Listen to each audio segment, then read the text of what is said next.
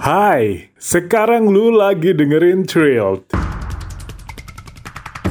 Apa kabar guys? Gue Marwan. Balik lagi buat cerita-cerita film yang mungkin lu belum pernah nonton sebelumnya. Minggu ini gue sejujurnya gue agak kesulitan buat nentuin film apa sih yang bakal gue ceritain guys. Gue ngubek-ngubek koleksi DVD Blu-ray gue deh. Ya kemarin-kemarin gitu ya. Beuh, ya ampun, ngubek-ngubek. Tapi kesannya koleksi gue banyak banget ya. Enggak, enggak juga sih guys. koleksi gue belum terlalu banyak. Koleksi gue ya beberapa udah gue ceritain semuanya sih. Gambaran seberapa banyak koleksi gue, koleksi film gue, ya yang gue ceritain di episode-episode sebelumnya lah. Makanya gue pikir membikin uh, apa podcast ini ya untuk itu gue setidaknya gue share gitu. Gue cerita tentang film-film yang gue sukain gitu guys. Itu sebagian besar ya guys ya. Sebagian besar yang ada di episode-episode sebelumnya itu itu koleksi gue tapi e, beberapa soalnya gue nontonnya melalui streaming online sih. Kayak serial kan gue nggak terlalu suka buat koleksi ya karena wih banyak banget guys. Dan menuhin rak. Nah koleksi gue lebih ke film-film lepas aja. Kalaupun gue mau koleksi lebih ke satu sutradara, tapi beda-beda judul film ya. Kayak koleksi uh, siapa ya film-film Alfred Hitchcock misalnya. Nah karena film-film Hitchcock kan memang layak dikoleksi tuh dan banyak pula gitu dari dulu ya dulu nggak nggak ada dulu sampai sekarang ya memang film-film dulu sih.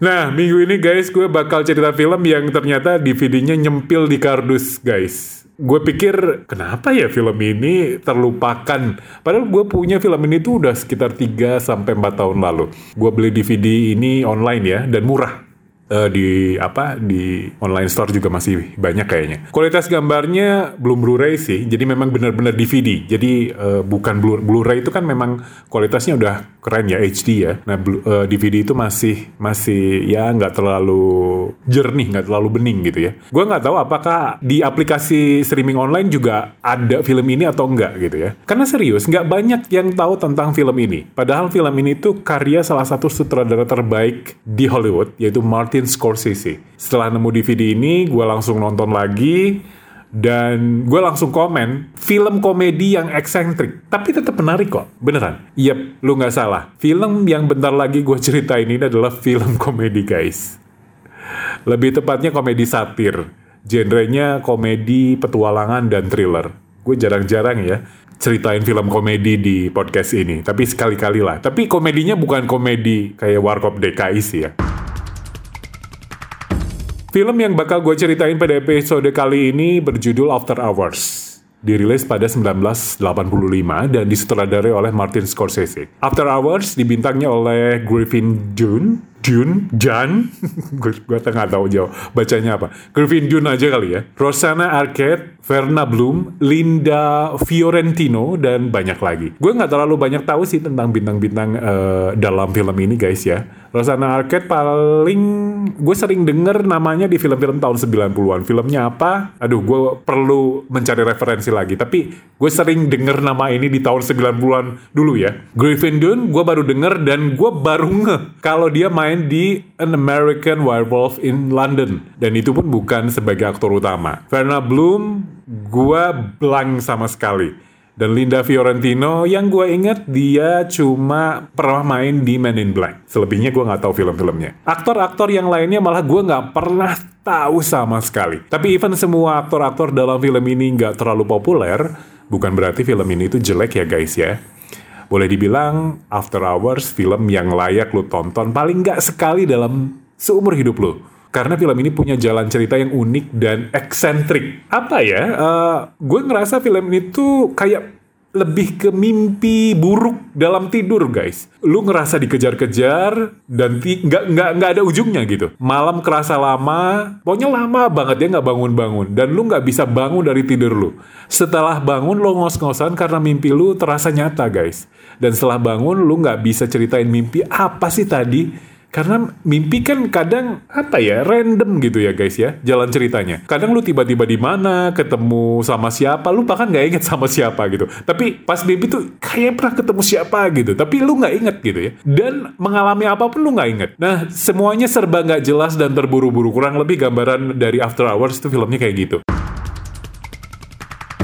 After Hours ini menceritakan tentang uh, seorang pekerja bernama Paul Hackett yang merasa udah jenuh dengan aktivitasnya sehari-hari. Setiap hari dia berangkat kerja, terus menjelang malam dia balik ke apartemennya. Terus aja kayak gitu setiap harinya ya. Ya kebanyakan para pekerja kan memang kayak gitu ya guys ya. Terus pada suatu hari sepulang kerja Paul membaca buku di sebuah kedai dan bertemu dengan seorang wanita. Secara nggak sengaja karena mereka membahas buku yang Paul baca. Jadi itu menjadi topik pembicaraan antara Paul dan wanita itu. Nah dari pertemuan itu Paul menjadi penasaran dengan Mercy. Ternyata nama wanita itu adalah Mercy. Dan Paul pun menelpon Mercy untuk mengatakan bahwa dirinya ingin berkunjung ke apartemen Mercy. Mercy pun nggak masalah, ya silahkan. Dan menceritakan bahwa tapi gue tinggal bareng teman gue loh gitu ya Mercy itu bilang kayak gitu bahwa dia cerita bahwa dia tinggal bersama temannya bernama Kiki Kiki ini adalah seorang seniman wanita eksentrik guys. Terus, dengan menggunakan taksi, Paul pun berangkat menuju apartemen Marcy. Dan siapa tahu, dalam perjalanan menuju apartemen Marcy inilah petualangan Paul dimulai. Petualangan yang aneh dan tidak pernah terbayangkan sebelumnya. Petualangan yang bikin malam Paul sangat panjang. Guys, sebenarnya After Hours ini adalah bukan uh, kisah film yang bikin lu mikir jungkir balik ya buat uh, mencernanya. Uh, film ini tuh cuma tentang Paul yang bertualang dari kejadian yang berbeda-beda dalam waktu semalam aja. Dari mulai kejadian dia setelah naik taksi, lalu berpindah ke kejadian dia bertemu Marcy, terus kemudian juga Paul ketemu Kiki, Terus kejadian-kejadian lain lagi yang bikin dia pengen segera pulang ke apartemennya buat tidur lelap. Tapi nggak tahu kenapa Paul itu kayak susah banget buat pulang sebelum urusan malam itu beres. Jadi beres satu, tiba-tiba urusan yang lain ada lagi yang baru. Jadi dia nggak jadi-jadi pulang guys. Tapi sekali lagi lu nggak usah khawatir karena lu nggak usah mikir buat menyelesaikannya kok. Jadi film ini tuh bukan film yang uh, bikin lu mengerenyitkan dahi. Justru lu akan ketawa-ketawa guys. Apakah film ini menarik? Kalau lu bertanya menarik atau nggak menarik sih tergantung mood ya saat lu menontonnya. Buat gue, Outer Hours adalah film yang menarik sekaligus eksentrik. Yang menarik menurut gue adalah jalinan karakter-karakter dalam film ini sehingga saling berkaitan satu sama lainnya. Even awalnya, Paul itu cuma ketemu Marcy guys. Tapi dari perjalanan bertemu Marcy ini, rupanya Paul pun ketemu sama karakter-karakter lain yang uniknya semua saling berkaitan untuk menyelesaikannya ya.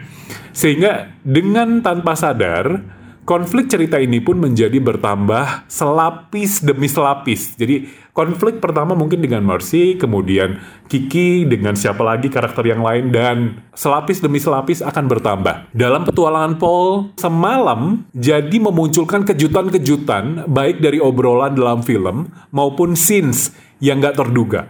Lu pasti bakal komentar, ini cerita apa sih kok jadi begini kejadiannya? gue juga sama komentar kayak gitu. Ini apa sih? Sebenarnya apa sih? Apa yang diinginkan oleh Paul misalnya? Atau apa yang sebenarnya terjadi dengan Paul? Apa yang terjadi dengan orang-orang dalam film ini gitu? Terus di mana dong komedinya? Jangan lu ngebayangin tadi di awal gue juga sudah cerita. Jangan lu ngebayangin After Hours kayak komedi Warkop DKI atau franchise scary movie ya guys ya. Karena After Hours bukan jenis film-film komedi kayak yang gue sebutin barusan. After Hours ini lebih ke black comedy, satir, dan sebagainya. Komedi jenis ini, penonton akan menertawakan kesialan, kedepresian, karakter utamanya yang dirundung masalah yang gak beres-beres. Ya, ya begitulah Paul, yang dalam kisah ini masalahnya nggak kunjung selesai. Habis masalah satu, datang masalah baru. Terus aja gitu. Dan bayangkan semuanya terjadi dalam semalam, guys. Kehujanan, basah kuyup, uh, terus lari-lari, dan berhasil bikin gua ngerasa jadi Paul, guys. Yang, duh, gue pengen mandi dan terus tidur gitu ya. Gue juga ngerasa salut dengan aktor yang bermain uh, dalam film ini, guys hampir semua aktornya. Selain tentu saja Griffin Dunn bermain asik banget sebagai Paul yang ngenes banget, ngenes. Bintang-bintang pendukung dalam film ini pun sangat berhasil membawakan karakter-karakter yang berkesan eksentrik. Uh, gue sering banget nyebut eksentrik ya, karena uh, kalau gue sebut aneh kesannya jadi negatif dan kurang elegan gitu guys. Karena mereka itu bermain bagus banget gitu loh. Gak ada yang aneh. Aneh itu karena dibikin ya. Makanya gue sebut eksentrik guys. Kalau aneh itu kesannya negatif banget ya. Eksentrik tuh jauh lebih jauh lebih elegan lah gitu ya. Eksentrik dan misterius gitu guys. Yang seolah memang sengaja buat ngerjain Paul gitu ya. Nggak lupa juga gue salut sama Scorsese yang ternyata bisa mengerjakan film ini. Bisa mengarahkan film ini. Menjadi petualangan yang edan dalam semalam gitu ya. Gue pikir Scorsese cuma sutradara spesialis film-film gangster. Tapi ternyata dia bisa juga mengarahkan film komedi kayak gini, kayak After Hours ini. Gue nggak tahu ya, kalau film ini nggak ditangani Scorsese, apakah akan menjadi After Hours seperti sekarang yang gue tonton?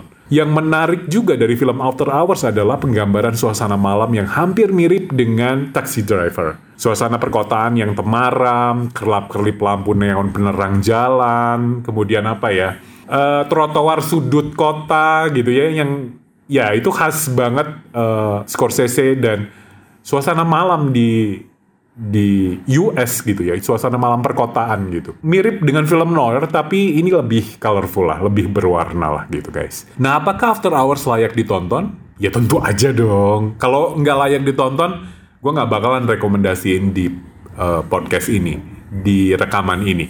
Lo mesti menontonnya guys.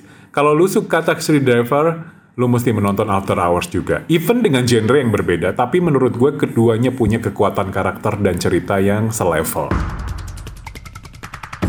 Akhirnya gue pengen kasih tiga setengah bintang dari 5 bintang buat After Hours. Kekurangannya pada film ini adalah, ah ini ini masalah selera pribadi ya. Gue merasa nggak nyaman dengan keeksentrikan dan kemisteriusan film ini. Agak, gue gue nggak tahu ya mungkin uh, eh, gue harus konsultasi dengan psikiater untuk menjelaskan kenapa ya gue gua suasana eksentrik dan misterius yang ada di film ini tuh gue merasa nggak nyaman agak. Itu bukan dunia gue gitu loh. Gue ngerasa uh, terus kemudian ada angle-angle kamera yang dekat ke wajah gitu. Itu sesuatu hal yang bukan menyeramkan ya tapi gue nggak nyaman aja gitu. Itu itu masalah pribadi ya. Gue merasa kayak dalam mimpi buruk yang gue nggak bangun-bangun gitu menonton film ini. Yang paling gue apresiasi dalam film ini adalah jalinan cerita dan totalitas para aktornya. Oke okay guys, sampai di sini dulu cerita buat episode kali ini ya. Minggu depan gue akan cerita dari film-film yang berbeda lagi. Thanks sudah mendengarkan guys.